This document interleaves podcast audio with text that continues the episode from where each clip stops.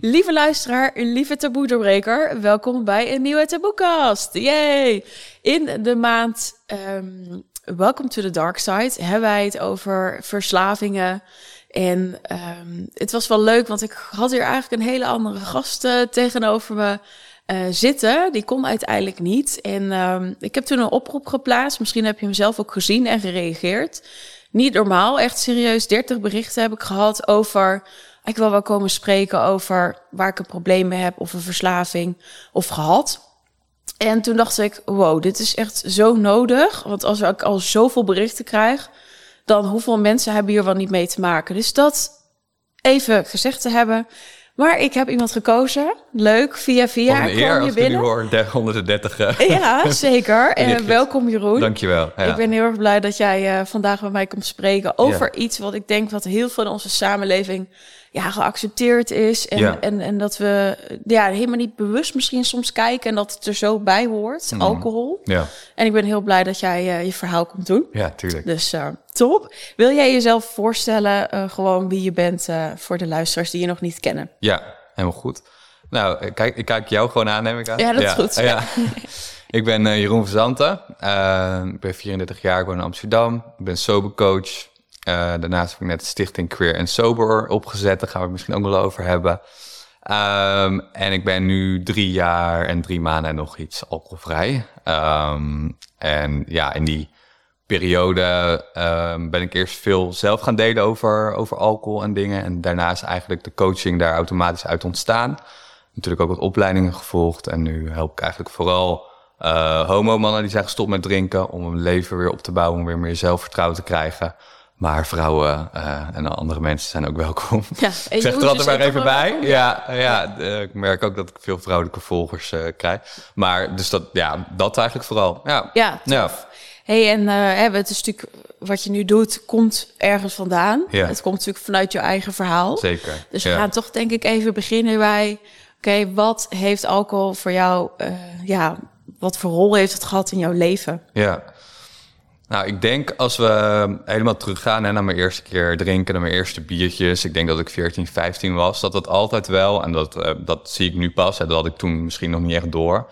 Maar ook wel een rol in heeft gespeeld in, in vriendschappen, in sociale gelegenheden. En toch een beetje die social, social awkwardness, zeg maar. Uh, ja, dat hielp erbij, weet je wel. Liquid courage, zoals we dat nu noemen. Mm -hmm. um, dus ik denk dat dat sowieso wel een rode draad is geweest. Uh, maar heel lang was dat gewoon oké, alcohol. En was dat zeker geen probleem. Uh, toen ik ging studeren werd het natuurlijk ook nog veel meer. Nou, ik ben zelf gay in de gay scene. Uh, ja, is het, blijkt het nog wel meer. Hè? Ook veel drugs, maar ook veel drank. Dus um, ja, dat was bij mij waren het vooral de weekenden, soms ook wel door de weeks. Uh, maar ik dronk niet elke dag, maar het ging wel. Het werd allemaal steeds heftiger en steeds meer. Dus dat op een gegeven moment ja, in Madrid was het zover dat ik in een gay sauna uh, half bewust uh, wakker werd op mijn verjaardag. Uh, en werd ik 31 en toen dacht ik wel van ja, ik weet niet hoe ik hier ben beland, letterlijk. Maar ook op dit punt in mijn leven dat ik dacht, ja, alcohol werkt nu zo tegen me. ik moet echt gaan stoppen. Ja. Hey, happy birthday. Ja, lekker happy birthday. Lekker. Ja. echt verschrikkelijk. Ik heb me nog nooit zo slecht gevoeld als die ja. dag. Ook vooral mentaal. Ja, dat is echt niet leuk. Ja, dan weet je, we lachen nu een beetje om. Maar ik, ik, Kun je ons meenemen in wanneer je dan, als je erop terugkijkt, hè? Want ik denk dat je tijdens niet zo bewust bent. En ik denk ook mensen die luisteren van ja, hoe bewust ben je al om, om, uh, wat je drinkt? Ja, zeker. Um, ja. Wanneer ben jij gaan merken van oh, het werd normaler of ik ben het meer gaan doen? Ja, dat was denk ik wel echt tijdens mijn studietijd. Uh, we hadden ook een, ik heb journalistiek gestudeerd en we hadden ook een kroeg op de faculteit. Uh, daar ging ik ook heel vaak heen. en ik merkte wel dat ik op een gegeven moment toen in, in de gaten begon te krijgen dat ik het zeg maar, um, hoe zeg je dat? Ik hield het bij hoe snel ik dronk. Dus uh, iedereen om mij heen dronk ook superveel en, en, en, en ook wel denk een beetje hetzelfde. Maar toch dacht ik van, oh, ik moet nu wel zeg maar een beetje uh, een half uur doen over dit glas. Want anders, terwijl ik de neiging heb om het sneller op te drinken. Dat waren wel van die momentjes dat ik dacht van, mm, dit is niet helemaal uh, handig. Maar ook wel dat we bijvoorbeeld met een groep ook van, me, van mijn vrienden naar Ajax gingen. Um, daar ook veel dronken. Daarna um, ja, was het zondag. eh, in een kroeg stonden en toen dacht, nou, we gaan nog wel door. De kroeg was daar bij de arena, dus eh, we gaan nog wel door naar de stad. En toen zei iedereen nee, natuurlijk niet. En toen dacht ik, oh, maar ja, bij mij is er toch iets aan het veranderen. Dat ik altijd door wil. En dat was het vooral. Ik dronk eigenlijk nooit alleen thuis. Het was altijd, ik wil nog door. Ehm, en dat, dat, was, dat besef begon toen in 2015, 2016 wel een beetje te komen. Toen ben ik het voor het eerst drie maanden gestopt. Ehm, met hulp dus van, ben je al een keer gestopt ja, Ja, ja, ik ben eerst twee keer wat kortere periodes gestopt. En um, ja, maar toen was ik er denk ik ook nog niet echt klaar voor. En, en was ik ook niet echt... Kon ik nog niet echt kijken naar de redenen daarachter. En uh, had ik dat misschien ook niet echt door voor mezelf. Dus ik dacht, nou als ik gewoon niet drink, dan komt dat wel goed. Hadden we afgesproken om drie maanden niet te drinken, zeg maar. Bij, met de psycholoog had ik gesprekken bij Jelinek. En, uh, en om daarna dan twee drankjes... Um, twee keer per week twee drankjes te drinken. Nou, als jij een drankprobleem hebt, ik ken heel weinig mensen die dat lukt. Dus dat, uh, dat, dat ging niet goed. En toen was ik al heel snel weer terug bij af. En toen werd het ook nog wel erger en erger. Toen ben ik de eerste keer naar Spanje verhuisd. Daar werd het ook, ja, was het gewoon chaos. -hmm. En uh, toen ben ik de tweede keer gestopt, maar ook nog niet echt weer gewerkt aan de redenen daarachter. Dus weer honderd dagen niet gedronken. Uh, nou Spanje is een beetje de grootste raad, want toen in Barcelona uiteindelijk, toen uh, zwichtte ik weer voor, voor de drank, maar toen ook heel erg achteraf als ik daar nu op terugkijk, was het inderdaad dan dat je toch denkt dat je alcohol nodig hebt om sociaal geaccepteerd te zijn. En dat is natuurlijk, voor mij is dat nu heel erg bullshit, maar het is wel de realiteit voor heel veel mensen nu elke dag als je, als je bent gestopt met drinken of gewoon eventjes niet drinkt. Dat heel veel mensen nog zoiets hebben van, oh, maar doe niet zo saai. En dat zat nog zo in mijn hoofd. Uh, dat ik misschien ook toch gewoon een beetje, ik was met een leuke Mexicaanse jongen in een gay bar en ik dacht, ja. En ze hadden ook geen alcoholvrije optie. Dus normaal zou ik dan alcoholvrij, alcoholvrij biertje drinken. Maar nou, dat werd dan cola. En toen had ik zoiets van ja. Nou ja, toen had ik niet zoiets. Toen liet, ik gewoon de gedachte. Uh, de excuses nam ik aan om weer te gaan drinken. Maar... Ik denk dat het wel heel mooi is wat je zegt. Want ik denk dat dit. Uh, want er komen straks om. Uh, drinken gaat misschien niet alleen over van. Oké, kun je drinken laten staan. Maar wat jij hmm. zegt van. Dan kun je ook naar de achterliggende problemen. Precies. Maar ik denk wel dat voor veel mensen die zoiets hebben van wil ik stoppen met drinken of ben ik gestopt? Dat dit wel iets is wat heel erg snel terugkomt. Ja. En hoe onze samenleving dus hè, het, het, het, on, het ongezonde is dus eigenlijk goed, of dat is gezellig. Precies, ja. En het gezonde is dan, ja, ja. Dus dat is wel gek. Het is heel gek. Het is wel, wel wat aan het veranderen, denk ik nu. Vergeleken met een paar jaar geleden. Maar het is nog steeds best wel gek. En mensen uh, doen nog steeds een beetje... Hè, als je stopt met roken, dan uh, krijg je applaus. En als je stopt met drinken, dan is het... Oh, maar waarom?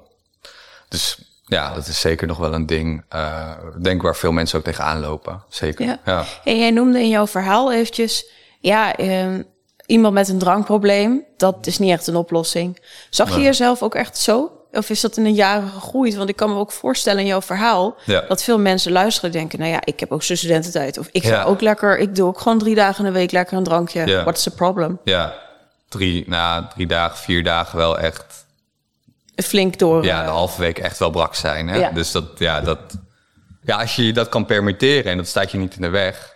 Mm Ja, wie, wie ben ik om daarover te oordelen? Maar uh, ik denk uiteindelijk dat het alcohol heeft zo'n effect ook op je.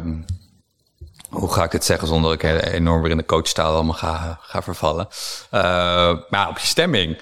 Dus, dus dat natuurlijk ook. Dus hoe meer, hoe vaker jij drinkt, uh, hoe slechter je gaat voelen mentaal ook vooral. Dus dat, dat was wel heel erg aan de hand. Uh, en daardoor ook, hè, want ik dronk misschien om zelfverzekerd te worden, zelfverzekerd te worden in het begin.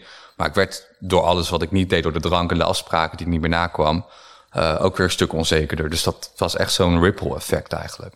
Dus ja, er zijn zeker mensen um, en dat is misschien interessant, want dat dacht ik zelf ook voor mezelf. Er zijn zeker mensen die misschien dachten van, oh nou ja, Jeroen, dat viel wel mee. Maar die, die waren natuurlijk niet bij die gekke nachten in, in Madrid of Miami of weet ik veel wat, waar het allemaal volledig uit de hand liep. Ja. Um, en ja, het woord alcoholist vind ik zelf, ook, ik zal mezelf nooit zo noemen. Uh, puur omdat ik het heel stigmatiserend vind. En we gebruiken dat alleen bij alcohol, niet bij coke of bij iets anders. Daar hebben we, niemand is een cocanist bijvoorbeeld, of weet ik veel wat. Dus dat... Uh, wel een eh, originele opmerking. Ja, ja had ik nog nooit zo over nagedacht. Ja, ja. ja, en dat is eigenlijk wel raar. Um, omdat het mij, hè, ik identificeerde me nooit en nog steeds niet met zeg maar hoe mensen dat een alcoholist zien. Ik vind dat we dat überhaupt het woord eh, weg mag. Maar eh, echt met, met een zwaar, iemand die zwaar verslaafd is aan de drank. Ehm, ja, dus toen, zolang ik dat niet, zeg maar, zolang ik niet eh, mezelf kon identificeren met de alcoholist, had ik ook zoiets van mezelf van, oh ja, maar dan hoef ik ook nog geen hulp te zoeken. Dan ga ik niet, zeg maar, naar. ehm, De AA. ja, of de AA. Ja, de AA vind ik sowieso. Dat is niet mijn ding. Eh, voor sommige Nee. mensen werkt dat, maar voor mij niet. Ehm, dus ja, en Maar je bedoelde juist omdat het dan zo zwaar klinkt... dat je Ja. misschien ook nog wel dacht van... oh nee, maar dat ben ik dan niet. Ja, precies. En ehm, nou ja, ik heb ook het voorbeeld van mijn eigen broertje, die is ook verslaafd aan de kook en de drank eh, geweest. Die is wel naar een paar klinieken geweest en dergelijke. Dus het was voor mij wel ook van, oké, maar ik ben ook nog niet daar. Dus moet ik dan stoppen? En ik vind het zelf heel belangrijk. En daarom, daarom ben ik ook begonnen als coach, om zeg maar die groep daartussenin te bedienen. Dus ik denk dat er heel veel mensen zijn die zich op een gegeven moment echt verliezen in het partyleven. Maar ik denk van ja, maar ik ben geen alcoholist, dus we gaan gewoon door, bijvoorbeeld. Ja, Ja, precies. En net ook, eh, ik denk precies de doelgroep die je hebt... dus, dus de mensen die mij ook een berichtje sturen... die misschien ook allemaal niet naar de kliniek zijn geweest... Nee, maar wel ook een ja. eigen verhaal erin. En laat ik erbij zeggen, ik heb, eh, ik heb heel erg respect voor iedereen die zijn verslaving aanpakt. En ik zie niemand minder als die uit de kliniek of die niet of zo. Dat eh, vind ik belangrijk om te benadrukken. Maar eh, ja, die middengroep die ehm, ja, wel echt veel nadelen ondervindt van alcohol en gewoon wil stoppen. eh, waar ik dan zelf ook onder viel. Ja, daar, daar was niet echt wat voor. Dus toen ehm, Ja, ben ik toen met coaching begonnen. Ja, mooi ingespeeld op de markt. ja, ja. ja. En je noemde even al de party scene. Ja. En ik ben even benieuwd nog voordat we gaan- gaan naar van hebben. Oké, wat zit er dan dieper onder? Hmm. Ehm, maakt het echt een verschil in eh, de gay scene of wat je hebt meegemaakt? En kun je ons eens meenemen in wat, nou ja, wat dan voor jou een zo'n stapavond was, of dat je Ja. zo eh, wakker wordt in die sauna en dat Ja. je denkt, what the fuck, waar ben ik? Ja. Ja, ehm, ik denk sowieso dat dat meerdere lagen heeft. Maar sowieso als we het hebben over de scene gewoon zelf... daar is sowieso veel meer drank en drugs. Dus dat is sowieso zo. Ehm, het is denk ik makkelijker om heel veel te drinken... maar ook heel veel seks te hebben ehm, bij ons. Dus dat, dat is sowieso één. Dus de omgeving is al er meer op ingericht. Hè? Dus veel plekken, niet allemaal natuurlijk. En er zijn ook genoeg mannen die op mannen vallen die dat allemaal niet hebben. Ehm, maar er is een groter aandeel. Het schijnt dat er twee tot drie keer meer verslaving is in onze community. Dus daar zit natuurlijk ook veel pijn onder. Ehm, en, en vooral denk ik een, een zelfacceptatiestuk waar... eh, wat voor heel veel mannen nog gewoon, gewoon lastig is en een reden kan zijn voor een verslaving. Ehm, dus dat. En ja, ik, vind zelf Gabor Mate echt een hele belangrijke spreker over verslaving. En die zegt eigenlijk ook, ja, eigenlijk als jij helemaal terug in je jeugd al je emotioneel niet eh, veilig hebt gevoeld, ben je al, kan, kan je al verslavingsgevoeliger zijn. En dat kan al zo zijn als je moeder gestrest is tijdens de zwangerschap. Dus dat, nou ja, dus dat is een stukje dat je sowieso al hebt. Plus dan ook nog eens het trauma van heel lang in de kast zitten en de maatschappij die je vaak eh, niet eh, accepteert. Ja. ja. Hoe heb je dat zelf ervaren? Nou, best wel intens. Ik kom natuurlijk, eh, of kom natuurlijk, dat weten jullie helemaal niet, maar ik kom uit Harderwijk. Eh, dat is een kleine stad op de Veluwe. Al die dorpen eromheen zijn super christelijk. Harderwijk, medium. Ehm, maar ja, ik heb, me, ik heb me daar wel altijd heel erg anders gevoeld. En eigenlijk ook niet heel erg van, nou, ik hoor hier in ieder geval niet bij. Dus ja, achteraf niet, niet heel, zeker geen fijne jeugd gehad. Nee, niet daar in ieder geval. En uiteindelijk ben je dan naar Amsterdam gegaan. Ja, Ik kan me voorstellen dat het ook een soort bevrijding, eh, of tenminste Ja. voelt van, het is natuurlijk een grotere stad en Ja. Amsterdam staat volgens mij best wel bekend om, weet je, dat mensen daar wat vrijer denken Ja. en, en, niet zoals misschien Harderwijk of vooral de dorpjes eromheen. Dan. Ja. ja, ik ging om mijn 16 eigenlijk al vaak in het weekend al naar Amsterdam. Ehm, dus dat sowieso. En ehm, ja, dat was gewoon heel vrij, maar ook wel heel gek. Ik weet nog wel dat het een van de alle- allereerste keren ik naar de Soho ging in de reguliere dwarsstraat. was ik met een groepje van zes of acht jongens. Die hadden we allemaal verzameld via gay.nl. Volgens mij is dat nu zo goed als dood. oldschool Ja, heel oldschool. Ja. ja, en, uh, maar op een gegeven moment waren we allemaal met elkaar aan tongen in een soort van, in een soort van cirkel of zo. ik dacht, ja, dit zal, dit zal wel zijn hoe het is hier. Ja, weet ik veel. Dus dat was wel meteen al een beetje gekke... Opening met een boom. Ja. ja, precies. Ja, dus ja... Uh, maar inderdaad wel al heel erg het, idee van oké, er is veel alcohol. En je kan gewoon seks hebben met wie je wil. En verder komen daar vaak ook niet heel veel gevoelens bij. Dus dat, ja, dat is wel denk ik iets wat we vaker doen. Ja. Ja. ja. En voor jezelf van, hè, wat jij noemt al heel specifiek. En dat is natuurlijk ook wat je, wat je hier wil komen vertellen van... Hm. Uh, het is niet alleen dat drinken. Het is ook de dingen die eronder liggen. Jij noemt zelf net al van hè, de, de acceptatie, maar ook ja. uh, hè, dat, dat de maatschappij er misschien anders naar kijkt. Ja. Dus kun je ons eens meenemen naar het stuk dat jij dus zei van... oké, deze shit wil ik niet meer. Het moment mhm. misschien na de sauna. Ja. En uh, nou, voor de derde keer dan. Maar goed, ja, dat je echt misschien een ander bewustzijn ja. uh, daarover had. Ja, en vaak is het misschien ook goed voor de luisteraars. Vaak lukt het ook niet in één keer. Dus vaak hebben mensen meerdere keren nodig. Dus ik zou ook zeggen, ben je uh, weer dat van afgevallen. Hè? En ik begin gewoon opnieuw, want op, er komt een moment dat het wel klikt bij je. Ja. Ja, ik denk dat het ook een mooie is. Want ik denk dat dat ook in de taboesfeer zit. Als je het überhaupt hebt over verslaving of een probleem met een middel. Ja. Dat het is van, oh, het lukt niet. En, en dat je dan alles aan de kant gooit. En, dan, en dan nog meer gaat denken, oh, zie je wel. Ik ben slecht, ik doe het niet goed. Mm. En dat versterkt natuurlijk ook alleen maar. Ja, maar um, naar dat moment dus dat je dacht van, oké, ik wil stoppen met drinken. Ja. En hoe ben je dat zelf dan aangevlogen?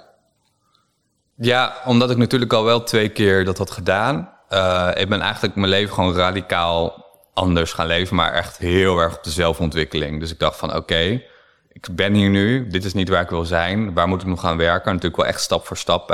Um, dus ik ben heel veel boeken gaan lezen. Ik ben elke dag gaan mediteren. Um, uiteindelijk natuurlijk ook een psycholoog gehad, maar heel erg uh, dat Instagram natuurlijk account opgezet, maar ook daar heel veel lezen over andere mensen die, um, die nuchter waren en daar weer heel veel informatie vandaan halen. Dus echt gewoon die mindset shift van oké, ik ga nu aan mezelf werken. En heel snel had ik al zoiets van ja, eigenlijk is mijn leven, kan ik zoveel meer zonder alcohol dan met. En het was bij mij ook heel erg een ding dat ik niet zo ook niet echt wist van wat, wat wil ik nou qua werk en zo. Dus dat uh, zat ook best wel in de weg. Dus dat heeft ook ruimte ge, uh, eh, gegeven om daar nu aan de slag mee te zijn. Dat ben ik ook heel erg gegaan. Um, dus heel erg de focus op van uh, op jezelf, maar inderdaad ook. En ik denk dat mediteren me ook heel erg veel heeft geleerd om inderdaad de gedachten maar uh, te laten zijn voor wat ze zijn vaak en daar veel makkelijker afstand van nemen. En dat is voor mij nu ook wel echt key. Want ik heb echt nog wel eens dat ik dan rode wijn zie en dat het een beetje, zeg maar, wel, hè, een beetje, uh, mijn lichaam er wel op reageert. Maar mijn mindset is zo sterk dat ik, als die gedachten komen, ja, nu haal ik mijn schouders op. Of ik denk van, ja, wat fuck. Dat probeer jij me nou te vertellen. En nee. En het helpt natuurlijk heel erg. Uh, alles wat ik heb opgebouwd de afgelopen drie jaar, gooi ik weg als ik weer ga drinken of drugs ga gebruiken. Dus dat, ja, dat houdt me wel uh, scherp. Ja. ja, het klinkt ook wel heel erg of jij echt heel specifiek uh, je omgeving bent gaan veranderen en de dingen die je wil zien. En dat is natuurlijk ook met als je op weg rijdt en je ziet een auto rijden waar je zelf van rijdt, ga je daarop letten van hé, hey, dat is dezelfde. Precies. En zo werkt het natuurlijk. Dus ik kan, ik, kan, me voorstellen dat het heel ondersteunend is. Uh... Ja, en, en heel goed ook. En ik denk ook wel dat uh, wat ik zie soms met mijn eigen cliënten die ik help, dat en dat ze nog niet op het punt zijn, maar dus ook niet heel erg die omgeving nog willen veranderen en eigenlijk nog precies hetzelfde willen blijven doen. En dan maak je het gewoon jezelf heel moeilijk. Alsof je een kind elke dag in de snoepwinkel zet en zegt dat je geen snoep mag. Dus um, dat is ook een proces. En uh, inmiddels doe ik bijna alles weer. Misschien nog wel meer dan dat wat ik deed met drank. Of in ieder geval de, de, de vrijheid die ik voel om dingen te doen en dingen te ondernemen. Um, maar dat heeft wel echt tijd nodig. Dus ja, ik denk dat het ook wel een goede tip is. Vooral het eerste half jaar. Focus je gewoon even lekker op jezelf. En ga ga gewoon even niet uit. Of, of kijk in ieder geval bij jezelf heel erg hoe dat voelt. En ik denk ook heel erg dat je je intuïtie weer terugkrijgt. En, en ik denk dat dat ook wel een hele belangrijke is. Dat je echt weer op jezelf durft te gaan vertrouwen. En dat merk ik wel heel sterk. Dat ik nu denk ook wel wat spiritueler ben. Gewoon uh, de universe en alles. Dat je daar ook wel kracht uit haalt. Uh, Ja. Maar ja, dat had je vier jaar geleden niet, niet bij me moeten mee aankomen. Nee, zweefput. Nee. Ja. Rot op. Ja. Ga weg. Ja, Ja, ik denk wel dat het een heel mooi proces is. En Ja. ook, ehm, ja, wat je zegt van hè, de intuïtie. Het is natuurlijk logisch als je altijd eh, of veel middelen gebruikt of, of drank. Of, Ja. hè, dat, dat je op een gegeven moment ook gewoon de hele tijd uitgecheckt bent. En wat Ja. jij in het begin van het verhaal ook zei. Van, super automatische piloot. ik ben brak. Ja. En, en weet je, het boeit allemaal niet zo. Nee. En dan, eh, hè, je, was, je zei ook van, ik ben op zoek naar mijn eigen zoektocht geweest. Van, Ja. wat wil ik nou precies? Ja. hoe kan dat als je ook de hele tijd eh, jezelf eigenlijk uit die frequentie haalt? Ja, ja zeker. Ja, want je intuïtie komt misschien soms wel. Hè? En Je, hebt, je hebt echt wel het gevoel van, oh ja, dit moet, moet ik misschien niet doen. Maar ja, ik ben dit al jaren aan het doen, dus waarom zou ik het niet doen vandaag? Waarom zou ik niet wel gewoon weer daar eh, de hele nacht, Ja. dus een after, weet ik wat allemaal gaan doen. Ja, En jouw Instagram-account, hè, dat eh, ben je gestart toen jij bent begonnen aan Ja. de rit. ja. Hoe heeft dat jou ondersteund in de, de weg naar? Wat, ja het is wel een ander Insta- Instagram-account dan ik nu. Uiteindelijk heb ik toch weer mijn eigen Instagram teruggepakt. Omdat ik ja, ook veel mensen die mij volgen, denk eh, dat, dat het in ieder geval interessant voor ze is. Maar die heb ik toen inderdaad apart eh, opgezet. En ik weet nog wel, ehm, ja, dat er, denk dat schaamte en, en eh, dus ook schaamte, zeg maar, dat dat heel erg een ding was toen ik veel dronk. Eh, schaamte over jezelf of waarschijnlijk ook nog wel een stuk over het, over het gay zijn. Maar dat kwam natuurlijk ook heel erg eh, op het moment dat ik eigenlijk voor het eerst iets naar buiten ging brengen daarover. Dat ik dacht van wow, ja, wie ben al die gedachten, wie ben ik wel niet om zeg maar hierover te gaan delen en dat soort dingen. En, en dat is ook wel echt een heel proces geweest. Nog steeds gaande af en toe, dan krijg je, ga, val je weer even terug. Dat ken je misschien wel. Eh, ja, ieder mens, denk ik. ja, precies, hey, ja. we zijn mensen. ja, precies. Ja, dat. Dus, eh, maar stapje voor stapje echt uit je comfortzone eh, wel gewoon dingen gaan doen die je eigenlijk doodeng vindt. En dat begon met, eh, met, met dingen gaan delen. Had ik een foto toen erop? Ik denk het wel. Ja, wel gewoon met een foto. Toen meer met video's en, en live gaan en, en zelf podcast maken met jou En dat, ja, Ja, elke keer dat is ook wel heel bevrijdend. Bevri ik merkte vooral in het begin is heel bevrijdend om gewoon de dingen te zeggen die je, waar je misschien bang bent toch veroordeeld voor te worden of beoordeeld voor te worden. En eh, ja, Brene Brown, ik weet niet of je die kent. Zeker. Ja, dat, dat is wel echt. eh, ja, dat is ook wel echt wat. Dat, dat soort dingen ben ik toen allemaal gaan lezen. En heel erg. Het, het leek wel bijna. Ik zat erover te denken of dat er automatisch allemaal op mijn pad kwam. Of ik zeg maar een soort van zelf. Een soort van cursus zo. Oké, nu is dit hoofdstuk met Ja. Brene Brown. Ga maar werken aan je schaamte en je kwetsbaarheid. Ja, Ehm dat is allemaal best wel. eh, hey, thanks universe. ja, maar achteraf denk ik dat echt. Ja, dat dat is, is- ja, ho- hoezo? Ja, dus dat is wel heel bijzonder. Ehm, maar ja, dus toen inderdaad met het Instagram-account en ehm, steeds meer wat, wat gaan delen. En natuurlijk heb ik ook eh, wel wat coaches gehad om te kijken van hoe werkt dat en dergelijke. Maar ehm, ja, gewoon kwetsbaar zijn online. En ik denk zeker, eh, ik denk dat het alleen maar erger wordt als we het over social media hebben. Dat we nog steeds elkaar allemaal heel erg voor de gek houden met hoe goed het gaat en weet ik wat allemaal. Maar eh, dat mensen gewoon echte verhalen en echte mensen willen zien. En ja, dat probeer ik zo, zoveel mogelijk wel te doen. Ehm, ik had net in de trein hier naartoe te denken van... het is wel weer een tijdje geleden dat ik echt een verhaal heb gedeeld. Maar eh, ja, het is wel belangrijk om gewoon die menselijke kant te laten zien, denk ik. Ja, absoluut. Ja, mooi wat je doet. En eh, ik vind het ook tof wat je nu zegt van hè, de kwetsbaarheid, dat je daarover deelt. Ja, Maar jij noemde net heel eventjes van, er zat in het begin toch ook nog wel schaamte op. Hmm. En dat is natuurlijk iets, eh, ja, wat je al zei, van, hè, dat, dat zit misschien nog meer in omdat je dan eh, gay bent. ja. Eh, hoe, hoe heb je dat ervaren dan? Of hoe uitzicht die schaamte? Is dat echt van, ik heb de gedachte van, ben echt niet goed? Of in het begin misschien, ik wil er zelfs vanaf. Ik weet niet, hè, wat, je, Ja, door je dat, hoofd gaat. dat denk ik. Nou ja, in het begin, alle begin wel. Natuurlijk in de kast. Toen ik in de kast zat, toen dacht ik echt... als ik uit de kast kom, de hele wereld gaat me haten. Dat dacht ik toen echt. Ehm, ik denk, ik hoop voor de mensen die nu in de kast zitten... en die leeftijd hebben, dat dat wat milder is. En welke Eh, leeftijd was dat? Ja, ik denk 14, 15. Ehm, maar ja, Bart Chabot heeft bijvoorbeeld een mooi boek geschreven o- over, of Splinter Chabot moet ik zeggen, over, over in de kast zitten. En hij komt in, uit een hele andere hoek, hè? dus een hele warme hoek, maar zelfs hij had dat. Dus ik denk dat dat best wel een, een, ja, gewoon heel sterk is.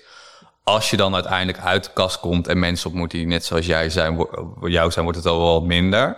Maar ik heb het wel heel lang heel sterk gehad met andere hetero-mannen. Dat je je gewoon eh, ongemakkelijk en awkward voelt rondom andere hetero-mannen. En ehm, ook misschien wel minder man of zo. En ja, dat heb ik wel. Is er soms nog wel, maar is wel echt een stuk minder. En eh vind ik ook echt wel heel fijn. Dat je dat gewoon niet meer hebt. Maar ik zit er ook heel anders in. Want ehm dat zei ik laatst ook. Eerst ben je heel erg bezig van, oh, eh, accepteert de buitenwereld mij als, als gay, eh, als gay man, maar accepteer ik mezelf eigenlijk als gay man? En die focus daarop leggen en, en, en niet zozeer meer van, ja, wat, de- wat de buitenwereld vindt.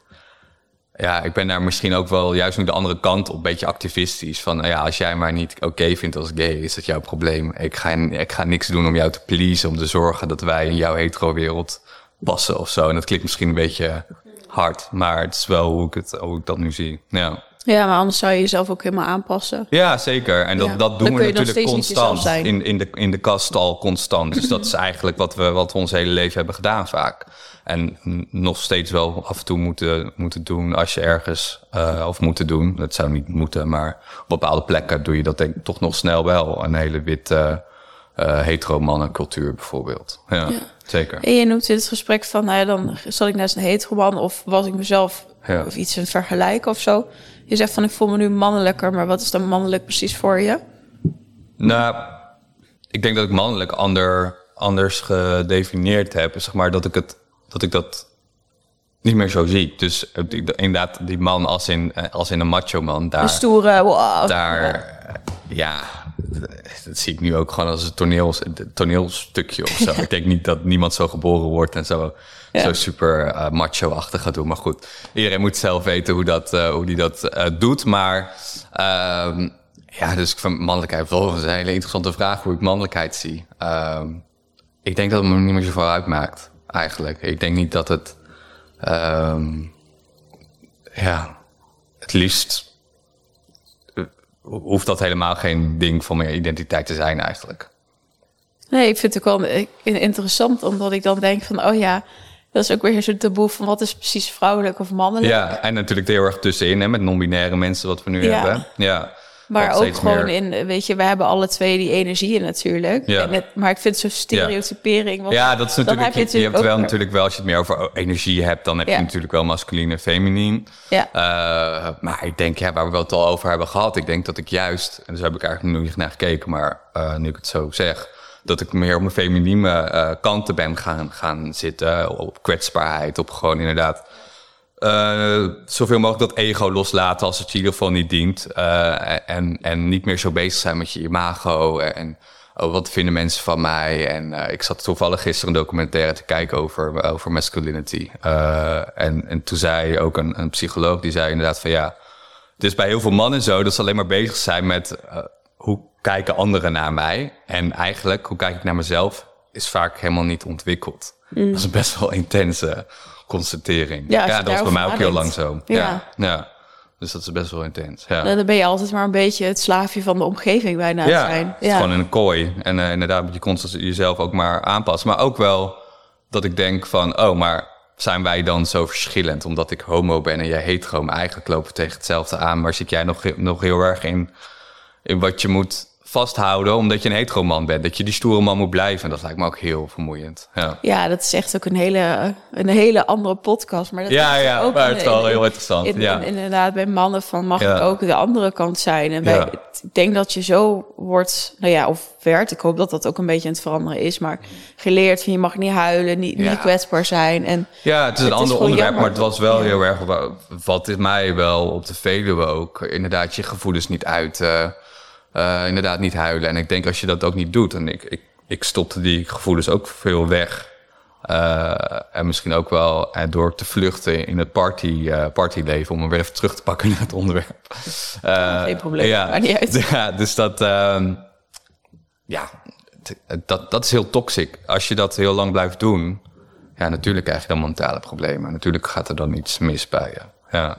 Ja, wat je zegt, het is, nou, het is even een ander onderwerp, maar ik denk dat Ja. het juist het onderwerp is. Want Ja. iedereen die hier naar kijkt en denkt, oei, ik heb ook een verslaving, daar zit altijd dit onder. Ja, En met mag ik zijn wie ik ben en mag ik mijn emoties zeker. voelen en wat er echt aan de hand is. precies. Ja, hele Ja. goede mag ik zijn wie ik ben. Ik denk dat dat, eh, ja, echt die, die, ja, authentiek durven zijn en die connectie met jezelf. Als die er niet is, dan, ja, dan mis je gewoon heel veel in het leven, denk ik. Ja. Hey, jij noemde net ehm, dat je inderdaad zei van... hey, misschien doe je rustig aan in het begin... of ga meer naar binnen of zoek het misschien niet op. ja. Wanneer was jouw eerste moment dat je het weer opzocht? En, dat je, en hoe is dat dan gegaan? Is dat, En de keer dat het wel allemaal is gelukt, zeg maar, de derde ja, stop- ja, de derde keer. precies. Ja, ja, precies. Laten we die twee andere even voor wat het is.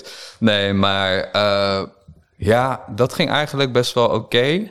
Eh, wat, wat voor tijdsbestek zit er dan tussen? Denk, ja, wel twee, drie maanden. Oh ja. En maar dat was ook echt, ik was uit eten geweest met een goede vriend. Ik merkte ook wel dat ik, uit, dat ik eigenlijk eh, introverter ben dan ik zelf dacht. Hm. Dus dat ik, ik hou heel van sociale dingen hoor, maar ik moet echt wel opladen.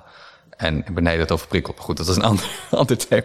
Eh, ik was met hem aan, het, aan het eten, zeg maar één op één. En toen was er van de vriendengroep, eh, die zaten in een kroeg daar verderop. En ehm, ik ben toen even ehm, mee geweest, nog weer de kroeg in. En ik weet, ja, dat was de eerste keer dat ik weer de kroeg in ging. Ja, dat was wel ongemakkelijk. Maar iedereen was super begripvol. En ehm, ja, volgens mij deelde ik toen nog niks. Nee, dus het was niet al oud in die open of zo. Maar ja, het was eigenlijk wel oké. maar ik had wel heel erg voor mezelf zoiets van... oké, ga alsjeblieft niet meer je grenzen over. Dus kies echt, kijk, kijk naar je grenzen, naar je boundaries. Eh, want daarna gingen ze nog naar een andere kroeg. Dat weet ik nog wel. Was, was in Utrecht. Eh, en er was een, was een evenementje of zo, maar die stond helemaal vol met mensen. En ik liep daar naar binnen. Nou, ik zag het al buiten. Ik dacht, jongens, ik ga lekker die trein pakken. Dit wordt hem echt niet.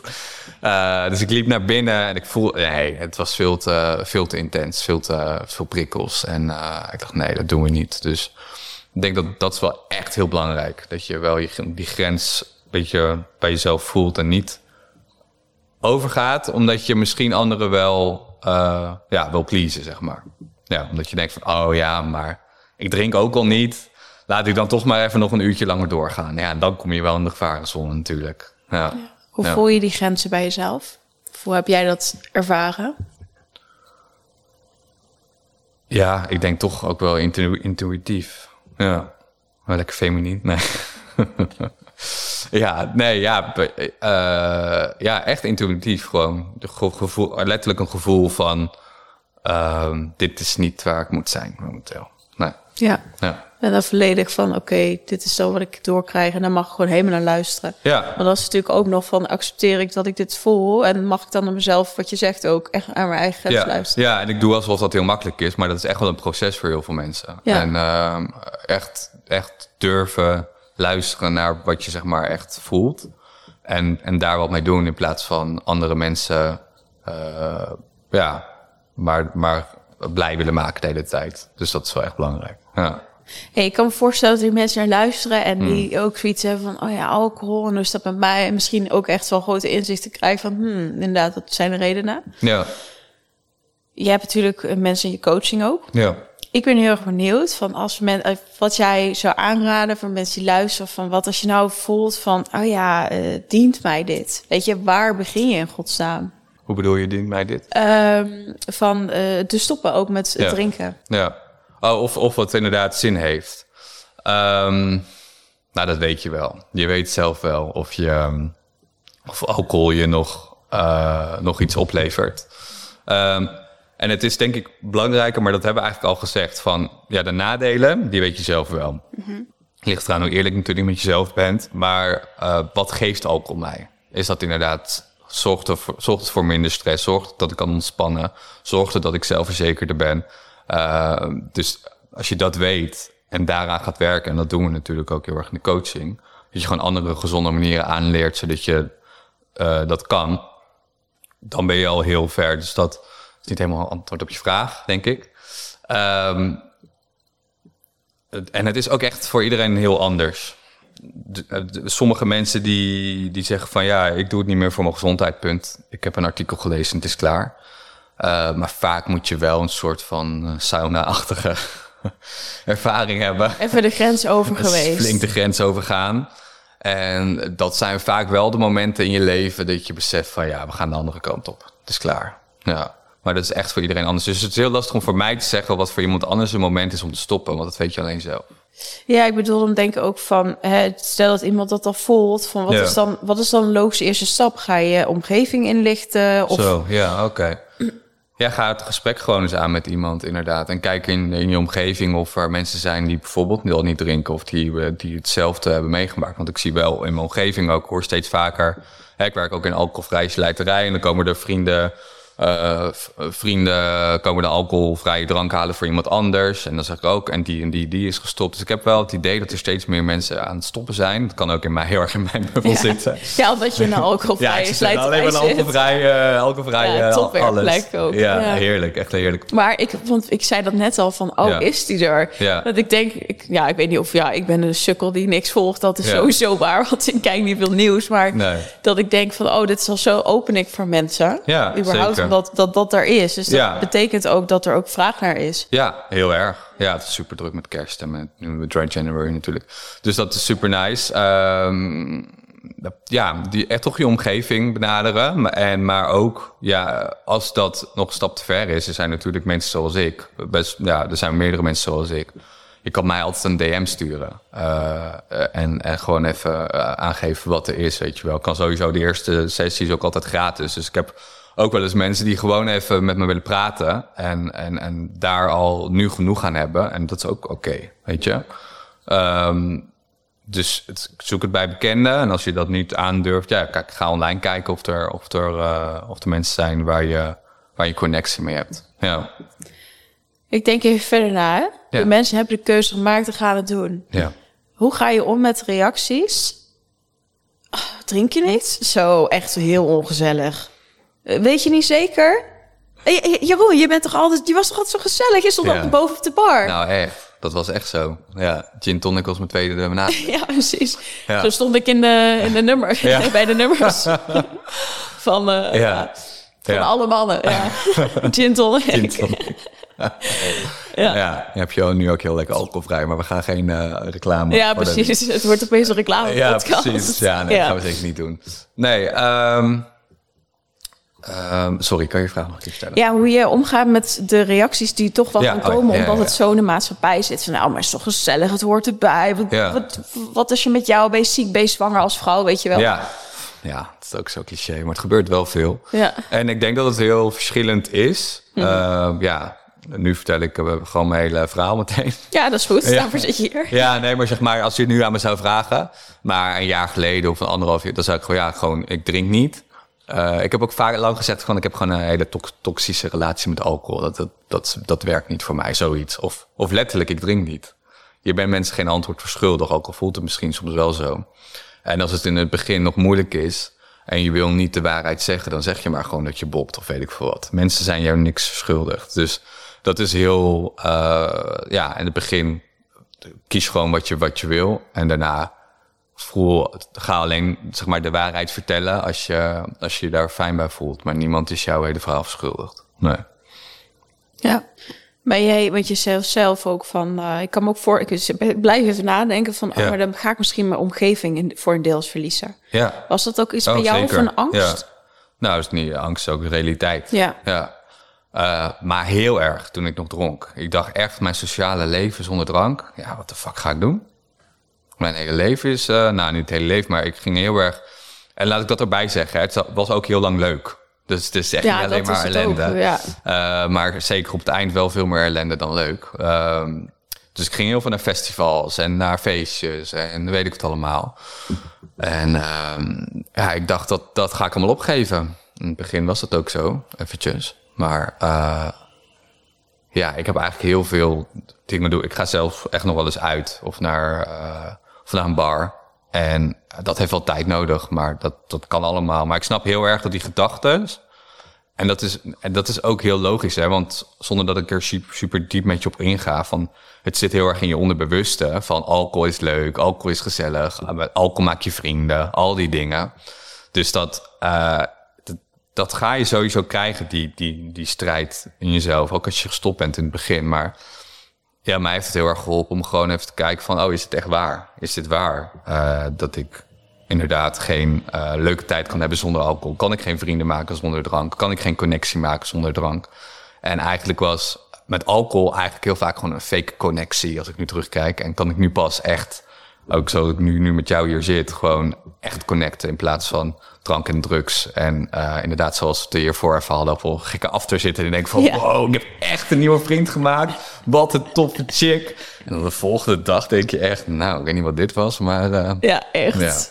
Ja, ja we ja. hadden het er ook over dat je samen zit. Dat je, ja. Waar gaat het weer heen? Het gaat nergens over. Maar, echt, maar dat je toch inderdaad zo aan die... En, en, wat je ook zegt, en dat is denk ik ook wat belangrijk is van... Het is zo lang ook leuk. Ja. Ja, en uh, we hadden het hiervoor over dat ik zelf ook zei van op een gegeven moment merken gewoon, oké, maar het is al vier keer. kut, waarom blijf ik ja. dit dan doen? Ja. Je? Maar je moet natuurlijk wel ja. dat eerst beseffen van, ja. oké, okay, ik vind het dus minder leuk dan het ooit was. Ja, Mag ik daar aan toegeven? Ja, precies. En besef, beseffen dat alcohol een, gewoon een hele verslaafde druk is. En ja. niet jezelf uh, de schuld ervan geven eigenlijk. Want dat kennen we misschien allemaal wel na drie, vier biertjes of drankjes Tenminste, ik denk dat het voor heel veel mensen moeilijk is om dan de vijfde niet te nemen. Omdat het überhaupt al een verslaafde druk is. Dus dat, uh, en natuurlijk, hè, bij een verslaving is dat nog, nog meer. Maar het is voor veel mensen überhaupt moeilijk om te matigen. Kijk maar naar hoeveel mensen, uh, ja, hoeveel mensen kunnen dry January doen. En als je dat niet kan doen, mag je jezelf misschien wel een beetje afvragen. Of, ja, misschien toch wel een klein probleempje hebt met alcohol. En dat willen heel veel mensen niet horen. Die denken nu van ja, dat is allemaal wel, laat maar lullen. Ja, deze podcast willen sowieso veel mensen niet horen. Omdat het, Ja. denk ik, daarom vind ik het zo Ja. leuk. Daar moet je uitleggen. Omdat het zo in de maatschappij zit dat het dus normaal is. Ja, Met een etentje, doe meteen een wijntje. ja zeker. En ik denk dat dat heel belangrijk is. Van, mag er ook iets meer bewustzijn op komen? Mm, veel meer nog, ja.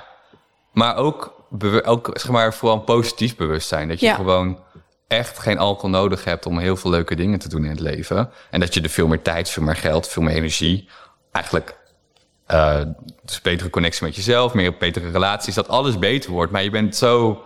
En je hoofd, hè, zoals we net ook zeiden, van ja, oh nee, dan mijn sociale leven is uh, hangout op en weet wat allemaal. En het is echt niet alleen maar eh, Disneyland. Er zijn echt wel met mensen die, eh, die ik niet meer zie, maar uiteindelijk, en dat is dan ook een beetje zo, zo moet het dan zijn. Die behoren niet meer bij deze fase in mijn leven. Hè. Sommige sommige mensen die zeggen van ja, ik zit in een trein en sommige mensen die stappen eruit en sommige mensen blijven het hele le- hun hele leven in die trein zitten. Dus dat, dat is, als je alcoholvrij eh, gaat, dan, eh, dan is het wel de sneltrein, zeg maar de talies die je pakt. ja. Mooie metafoor. ja, precies. I Ja. Hey, je noemt het al een beetje van eh, hoe je naar alcohol kijkt, maar hoe zie jij alcohol in onze samenleving? Als gif? Ja, eh, ja. Ja, gewoon echt als, als iets wat, wat, wat mij gewoon echt niet meer dient. Ehm, als iets wat voor heel veel doden zorgt per jaar. Wat iets voor eh, heel veel verkeersdoden zorgt per jaar. Eh, voor iets wat heel veel ehm, pijn en, en ellende bezorgt in heel veel families. Ehm, maar ook heel veel pijn bij jezelf. Dus, eh, ja, voor, ja, Krijg je veel mensen in je coaching wat je bewust noemt van dat dat echt, eh, of tenminste dat je merkt van oh de, de familie is ook in, inter, eh, ja, in de schade, zou ik zeggen. Ja. Dat jij natuurlijk in Amsterdam zat, dus Ja. ik, ik weet niet of jouw heeft jouw familie er heel veel van meegekregen. Nee, ik- nee, die zeiden ook van... eh, Oh joh, ja. oh, ja. Ja, dus die zijn er natuurlijk niet bij in al die gekke nachten. Nee, gelukkig dat- niet nee. misschien. hey, mams. Hey Ja. pa, wil je nog een nakkie? Ja. Het zou wat zijn als je met... Ja, ja, ja misschien is het ook taboe doorbreken. Dat je ouders op de after. Leuk joh. lachen. Ja, nee. eh, nee, dus dat... eh, en dat is, het, dat is dan ook wel weer vervelend. En misschien ook wel voor veel mensen ook. Dat ze denken van... Ja, maar zo erg is het dus niet. En de andere mensen die gaan het ook tegen je zeggen. Ook omdat jij ze een spiegel voorhoudt. Dus die drinken net zoveel als jij. Ja, dan denk ik, oh kut, moet ik dan ook stoppen of zo? Of heb ik dan ook een drankprobleem? Dus, dus gaan ook snel zeggen tegen jou. Dat is misschien ook wel goed om nog te zeggen, inderdaad. Hè, in het verlengde waar we het net over hadden van... Hé, wat stom dat je niet drinkt. Dus vaak is dat... Oh, ik drink eigenlijk te veel. Hoezo ga jij ineens ander gedrag vertonen? En dat, je zet jezelf eigenlijk boven die ander. En dat vindt niemand leuk. Dus dat, eh, ja, dat prikkelt wel. Nou, Ja, ik denk dat dat ook de spiegel is dat je krijgt als je ongezellig dus doet. ja, precies. Van, oh wacht even, jij confronteert mij nou Ja. met jouw keuze die, waarvan ik stiekem weet dat die heel bewust is. Ja, Maar ik wil daar niet aan. Nee. Dus En- kun jij weer naar mijn frequentie? ja in de zin van, kun je gewoon weer lekker met mij eh, hè, van padje zijn? Want dat vind ik makkelijker. Ja, ja, Ja. En dat is natuurlijk, ga maar eens, hè, als je, ik zou zeggen, nou, misschien zijn mensen ook wel dry January aan het doen. Als je het aan kan, misschien is dat niet de beste tip, Ja. maar uh, Als je het ga, aan kan, klinkt het zwaar. Ja. ja, nee, maar ga, ga eens inderdaad wel aan de tafel zitten met mensen die zeven biertjes op hebben. Als, als dat zeg maar, hè, als, dat je niet te veel triggert, uh, uiteraard. Maar die mensen, die, gaan, die praten allemaal een stuk harder. Die herhalen zichzelf tien keer. En, en ook voor mij dat te zien, ik dacht, oh mijn god, ik dacht dat ik de beste gesprek in de wereld had. Maar eigenlijk is het echt, ja. Het is of, of Ja, je weer op die after zit. Ja, nou ja, bijna. En eh, ja, dat is best wel confronterend. En zonder er daar een oordeel over te hebben dat het mindere mensen zijn. Hè? Ik wil helemaal niet superieur doen hier, absoluut niet. Eh, maar ik, ja, dat vond ik heel verhelderend. Ik dacht, nou ja, oké. Dit, eh, dit, ja. En, en dat had ik natuurlijk al. Ik merkte dat ik veel betere gesprekken had met mijn vrienden, vooral één op één. Eh, maar ja, nu snap ik waarom. Ja, wat je zegt, je- numt gewoon ook Je kan ook de letterlijk diepte in dan. hersenen. Ja, en je komt meer de diepte in. Ja. eh, ja. Nee, maar het lijkt me ook wel. en Ik kan, dat kan me dus wel voorstellen als je met die zeven of die, of die zeven bier, die, die mensen zit die er zeven bier op hebben. Ja. En jij zit dan daartussen en denk je, jeetje, jongens, wat een niveau. Ja, dat doe ik ook niet meer, hoor. Nee, ook niet meer precies, dat wou ik zeggen. Want Ja. dan voel je weer zo'n eenzaamheid. Denk je, ja, Ja, ik mee gaan drinken omdat het, zo debiel is. Precies. Nou ja, Ja. ik doe eventjes eh, heel zwart-wit. Maar ja, nee, maar daarom zeg ik ook van... het is niet de beste tip om nu te gaan doen... als je een paar weken gestopt hebt met drinken. Nee. Dat Nee. was echt wel na een paar maanden, geloof ik. Ehm, maar ja, dus dat, dat, dat... En dat zijn wel dingen dat je denkt van... oké, maar dat doe ik dus niet meer. Maar... eh, en misschien zijn het dingen die je nog steeds doet... maar wat vroeger op de avond, weet je wel. Dus ik, ik, eh, vaak dan plan ik iets of zo tot 12, 1 uur... en dan is het gewoon klaar. En dat is ook prima... Want het is nu veel meer de kwaliteit eh, van, van een event of van een dag of, of nou, meer van een paar uur. Dus echt dat je een paar uur een leuk gesprek hebt met iemand, of dat je naar het theater gaat, of dat je naar een concert gaat, of, of dat je echt gewoon in het moment, en dat is natuurlijk ook, hebben we het nog niet over gehad, maar dat je veel meer in het moment echt leeft en dat je ehm, er echt bent, in plaats van de hele tijd eh, alweer bij je volgende drankje of op Grindr of, of weet ik veel wat. Ja, nou was wel heel vaak zo. Dus ja. dat, eh, dat, dat is sowieso veel, veel waardevoller. Ja. Ja, ik denk wel het mooie van eh, in het moment zijn. Ik denk, Ja. alle, alle middelen. Je kan wel denken dat je in het moment zit. Maar eigenlijk is het niet wat je zegt. Want je bent Nee. bezig met, oh, ik moet, weet je, ik moet wel op dit level blijven. Ja. Dus doe maar nog een drankje. Of wat je net zegt, een nakkie. Ja. Ja. precies. Ja, en eigenlijk ben je niet echt eh, in het moment. Dan ben je constant bezig met, het, met, met iets anders. En je bent sowieso niet fully aware. Want je bent gewoon ge, ja, genumd natuurlijk door die alcohol, genamd door die alcohol. Dus dat, dat werkt sowieso niet. Ehm, in de eerste maanden merkte ik dat ook echt dat ik eh, gewoon heel blij werd van een boswandeling of zo. En niet het drankje, maar in, in het bos. Ja, precies.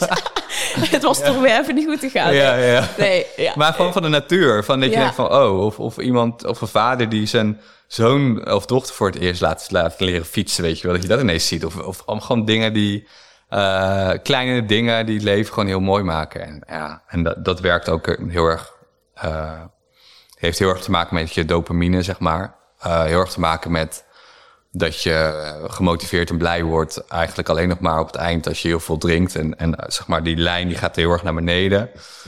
Wat betekent dat de dingen die je vroeger leuk vond of interessant vond of zo, ja, gewoon echt niet meer dat doen. En ik weet nog zelf, ik was op een vakantie in Portugal en ik hou erg van de zee en van rotsen en alles. En ik, dat, daar keek ik heel erg naar uit en ik stond daar en eh, ik was super brak, maar er gebeurde niks. Gewoon helemaal leeg. Ik dacht, dat is achteraf dus hoe die dopamine werkt.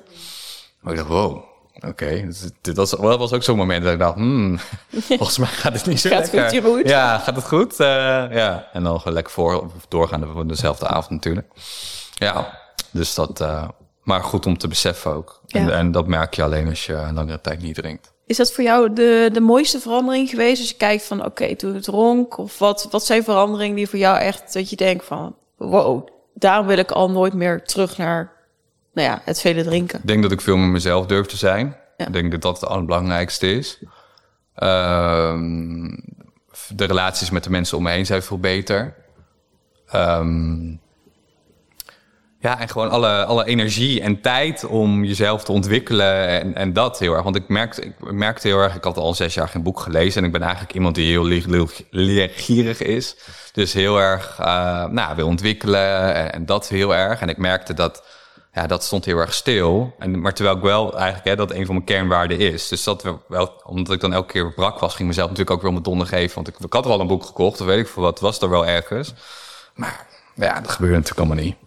Dus dat, uh, ja, dat vind ik ook heel fijn, om gewoon jezelf te blijven, blijven ontwikkelen. Ja. Ik vind het heel mooi wat je zegt, want je zegt van, oh, ik kan nu veel meer mezelf zijn. En in het begin dacht je waarschijnlijk, oh mijn god, ik ga, nooit, ik ga dit nooit kunnen doen. Of ik ben niet leuk, of ik kan niet sociaal zijn, weet je wel. Ja. Dus dat vind ik al een heel mooi proces dat je benoemt van, ja. oké, dat dacht ik dus ooit. En nu kijk eens waar ik nu sta. Ja, dat dat ook wel iets is wat we als mensen luisteren van Oh, wacht even. Het kan dus wel echt. Ja, het kan echt. Ja. En het kan bijna altijd ook wel. Ja, sommige mensen die zijn denk... Uh, als ik kijk naar andere verslavingsartsen... die echt heel, heel diep, heel veel drugs... heel veel trauma en, en, en weet ik wat allemaal... Dan, dan, dan zijn er mensen die het niet lukt om er bovenop te komen... Maar het overgrote deel, en helemaal hè, als je een beetje op mij lijkt, als je hetzelfde verhaal hebt als ik, absoluut. Ja. ja. Want bij jou was echt het trauma van mag ik zijn wie ik ben dus ook. Ja, ja zeker. Ik denk het wel. Ja. ja. Ik denk, ja, wat ik net ook al zei, is van een beetje een herhaling. Maar hmm. denk je überhaupt dat dat, dat dat vaak het, het verslavingsstuk is bij iedereen? Heel erg, ja. Ja, en omdat je heel erg iedereen wil erbij horen. Zo zijn we ook gewoon gemaakt als mensen. Dus we willen bij een groep horen. Uh, en en daar hoort heel vaak alcohol bij. Dus om, zeg maar, en daarom vind ik het sowieso heel, iedereen die, uh, die dat niet doet, dus iedereen die niet drinkt, vind ik sowieso echt wel heel, heel tof en stoer. Omdat het gewoon wel wat vergt van je. Het vergt van, van jezelf om jezelf buiten een groep te plaatsen. En um, ja, zo zijn we inderdaad gemaakt. En dat, dat, dat gaat ook ongemakkelijk voelen. Dus daar moet je wel doorheen. Ja. Ja, wat je zegt ook wat jij in je coaching doet natuurlijk, om dat zelfvertrouwen te gaan krijgen. En wat zeg ik tegen mezelf en daar erg bewust van te worden. Ja, vooral wat je tegen jezelf zegt en wat je, welke gedachten je, je constant afspeelt. En welke, welke je ook echt iets mee doet of gewoon laat voor wat ze zijn, zeg maar. En dat, dat is training. Dat klinkt misschien nu van, uh, ja, best wel ingewikkeld. Dat, dat is het ook, maar het is nou, het is niet ingewikkeld, maar je moet het trainen. Dus dat, uh, en dat is wel echt een van de tools die mij heel erg scherp houdt. Uh, maar zo zijn er nog tien andere dingen die heel erg helpen natuurlijk. Ja. ja. Hey, we zijn bijna een uurtje aan het kletsen. Oh, echt een uur al? Ja, bijna. ja. En uh, ik was even benieuwd van wat is nou iets in de fase waar je nu staat, ja. maar ook als, als coach zijnde van Mensen die luisteren, wat wil jij zelf nog heel graag meegeven? Misschien heb je al heel veel gezegd, kan ook. Ja, nou, we hebben nog niet over queer en sober gehad. Dat vind ik misschien wel oh, even leuk om te doen, ja. als het mag. Tuurlijk, ja. ja want dat staat je vrij. Ik ben het helemaal vergeten. Nou, ja. graag. Ja, want dat is eigenlijk de volgende stap. Want ik merkte ook wel dat er, dat de mensen die ik sprak, uh, dat er veel eenzaamheid was in de, in de community. En helemaal mensen die gestopt zijn met drinken, dat ze echt aansluiting misten. En tijdens de vorige Pride in Amsterdam dat ik best wel veel DM's gekregen van mensen van... oh ja, ik wil inderdaad ook wel Pride vieren, maar ik vind het toch lastig. En uh, toen ben ik eigenlijk gewoon meetups gaan organiseren, elke maand. Eerst in het Vondelpark, ook weer doodeng. Heel erg uit je comfortzone, dat je denkt van wat als er niemand komt... zit ik hier op mijn kleedje met een paar blikjes en uh, weet ik het allemaal. Maar... Blikjes, alcoholvrij ah, dus, hè? Fanta, ja. ja. ja. En dubbel Ja. ja, whatever je wil. Uh, maar goed, nu hebben we daar zeven meetups van gehad. En ik merk ook echt dat mensen eh, naar me toe komen. Ook dat ze zeggen van ja, die meetups alleen al geven me meer zelfvertrouwen. En ik van wow, dat is echt zo gaaf. En vorige week vrijdag hebben we daar dus officieel een stichting van gemaakt. En willen we uh, met Pride ook uh, nou, heel veel toffe gaan, dingen gaan doen. We gaan ons in ieder geval inschrijven ook voor, echt voor een boot tijdens de Kennel Parade. Uh, ik hoop dat dat lukt. We moeten natuurlijk nog worden toegelaten. Maar ik zit ook te denken aan bijvoorbeeld een ochtendrave. Je had, je had een tijdje Daybreaker in Nederland. Ik weet niet of je dat kent. Dan ga je s ochtends echt om zes uur ga je eerst bij yoga of meditatie. En daarna ga je keihard feesten. Maar met je smoothie en geen, geen drank of drugs. Ja, dat zou natuurlijk een top evenement zijn tijdens Pride voor mensen die uh, niet drinken. Ja. Um, maar ook willen we de stem zijn voor, uh, voor mensen, ja, sober, zowel drank als drugs omdat we, hè, daar hebben we het al over gehad, er is nog zoveel stigma, maar ook zoveel onbekend over trauma. Maar, uh, en ook bijvoorbeeld vluchtelingen die hier naartoe komen, gay vluchtelingen, die um, die dan in Amsterdam komen, hè? waar we net al zeiden, je kan elke dag drank en drugs, maar daar helemaal geen, geen begeleiding of weet ik veel wat. En zo in een verslaving raken. Dus dat zijn allemaal thema's die we, uh, ja, dus nog heel veel werk te doen wat dat betreft. En daar heb ik de stichting opgericht. Ja, ja dus dat is wel echt het volgende. Ja. Wat is uh, jouw droom voor nu over tien jaar met die stichting? Wat hoop je bereikt te hebben? Ja, het zou echt cool zijn als we gewoon een soort van clubhuis hebben waar mensen gewoon in kunnen lopen. En, uh, en daar uh, ja, sowieso een soort van koffiebar, maar ook echt coaching en, en trainingen en, en uh, zelfontwikkeling kunnen doen. Dus dat lijkt me echt super tof. Um, en verder dat we ook sowieso door heel Nederland zitten. Want we hebben nu meetups in Amsterdam. Maar eh, we hebben absoluut de, wel de ambitie om, uh, om landelijk iets te doen. En um, ja, dus dat zal heel mooi zijn over tien jaar. Maar dan, uh, ja, dus dat eigenlijk zo, zo groot mogelijk maken, denk ik. Ja. Ik denk, ik denk meer in vijf jaar, dus over tien jaar heb ik er niet over nagedacht. Dit al over vijf jaar. Ja, over vijf jaar moeten we een beetje Ja, want we hebben het, wat je zegt, ja. van, we hebben het erg over Amsterdam. Maar zei ik al ja. van, ja, dat is voor mij ook echt de stad waar het allemaal kan en elke dag ja. uit. Maar dat is natuurlijk in elke studentenstad kan het ook. Ja, nee, natuurlijk. Het is niet alleen dat er maar heel veel mensen eraf liggen in Amsterdam. Nee. Ja, nee, nee, precies. Dat kan ook in de, in de Zuipketen Putten. Ja. Ja, ja, toch wel. Ja, ja. nee, super mooie dromen. En ik uh, denk ook... Uh, ja, weet je, dit is ook zo nodig. Ja, zeker. Met, met het bewustzijn. En uh, ja. Nou ja, je richt je dan natuurlijk wel ook specifiek op te zien, logisch met je achtergrond. Hè? Ja. Maar ik denk dat überhaupt dat dit, nou ja, ik hoop dat er gewoon veel meer is, ook voor iedereen uh, die inderdaad voelt van, nou ja, is het nog wel wat voor mij drinken? En Ja. Dat is ooit de reden dat ik er überhaupt mee ben gestart. Ja, en Ja. het is echt niet zo heftig als je nu denkt dat het is. Zeg maar, al die gedachten die je hebt over...